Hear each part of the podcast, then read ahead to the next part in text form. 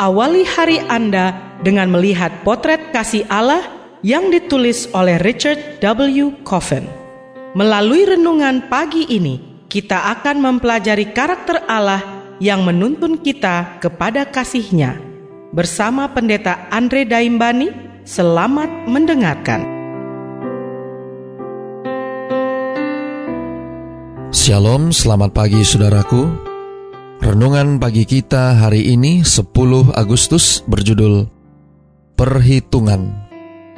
Ayat intinya diambil dari Matius 18 ayat 23. Demikian firman Tuhan. Sebab hal kerajaan sorga seumpama seorang raja yang hendak mengadakan perhitungan dengan hamba-hambanya. Mari kita dengarkan penjelasannya. Kisah tragis yang diceritakan Yesus ini terdiri atas tiga babak. Babak pertama, dalam babak pembukaan ini kita menjumpai seorang raja dan si A, orang yang berhutang.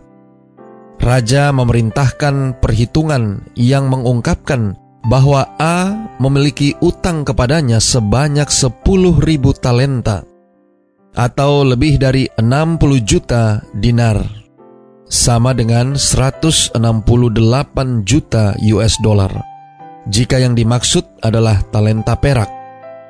Untuk mendapatkan gambaran besarnya jumlah uang tersebut, ketahuilah bahwa orang Yudea, Idumea, dan Samaria membayar pajak tahunan hanya sebesar 200 talenta. Orang Galilea, Perea masing-masing membayar sebesar 100 talenta. Dikutip dari tulisan Josephus, Antiquities of the Jews 17.11.4 Raja memerintahkan A untuk membayar utangnya saat itu juga. Tentu saja hamba ini tidak dapat membayarnya, sehingga raja memerintahkan agar ia dan keluarganya beserta seluruh harta miliknya dijual. Hamba ini memohon perpanjangan waktu dan berjanji bahwa ia akan membayar lunas utangnya. Satu janji yang menggelikan karena ia harus bekerja selama lebih dari 160 ribu tahun. Jika ia bekerja selama 365 hari setahun untuk mendapat hasil sebanyak itu, jika utangnya dalam bentuk talenta perak. Jika bentuknya adalah talenta emas, maka ia harus bekerja selama lima juta tahun untuk menghasilkan uang sebanyak itu. Raja memberikan lebih dari sekedar perpanjangan waktu. Ia menghapuskan seluruh utang A. Babak kedua, babak ini dibuka dengan pulangnya A ke rumah dengan hati riang sebagai orang bebas.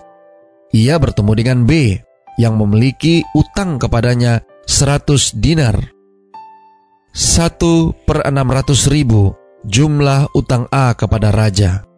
Hanya membutuhkan 100 hari kerja untuk menghasilkan uang sebanyak itu. Astaga, bukannya meniru sikap raja, A mencengkeram leher B sesamanya hamba dan menyerahkan kawannya itu ke dalam penjara sampai dilunaskannya hutangnya. Dicatat dalam Matius 18 ayat 30. Babak ketiga Kisah ini ditutup dengan catatan yang suram. Ketika kawan-kawan A sesama hamba menyaksikan apa yang terjadi, mereka segera melaporkan kejadian itu kepada raja yang menghardik A. Bukankah engkau pun harus mengasihani kawanmu seperti aku telah mengasihani engkau? Dicatat dalam ayat yang ke-33 dan A pun akhirnya menemani B di penjara, di mana telah menanti siksaan dari Algojo-Algojo sampai ia melunaskan seluruh hutangnya. Dicatat dalam ayat 34. Saudara-saudara yang kekasih di dalam Tuhan, Yesus tidak menyisakan keraguan mengenai moral dari kisah ini.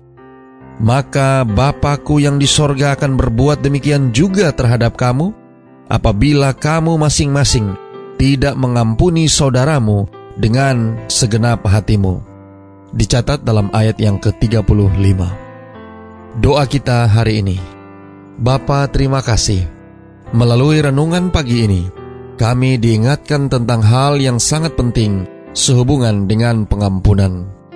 Terima kasih melalui renungan pagi ini kami diajarkan bahwa Allah akan mengadakan perhitungan bila mana kami umat-umatnya tidak saling mengampuni satu dengan yang lain.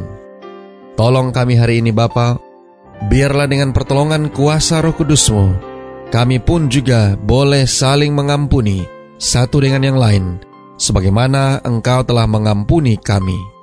Terima kasih Bapa. Inilah doa dan permohonan kami kepadamu.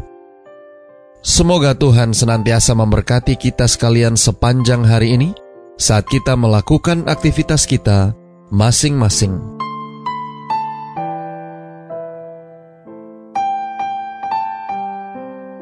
Demikianlah tadi pembahasan tentang potret kasih Allah. Semoga firman Tuhan hari ini dapat menjadi berkat bagi Anda. Sampai jumpa, Tuhan memberkati.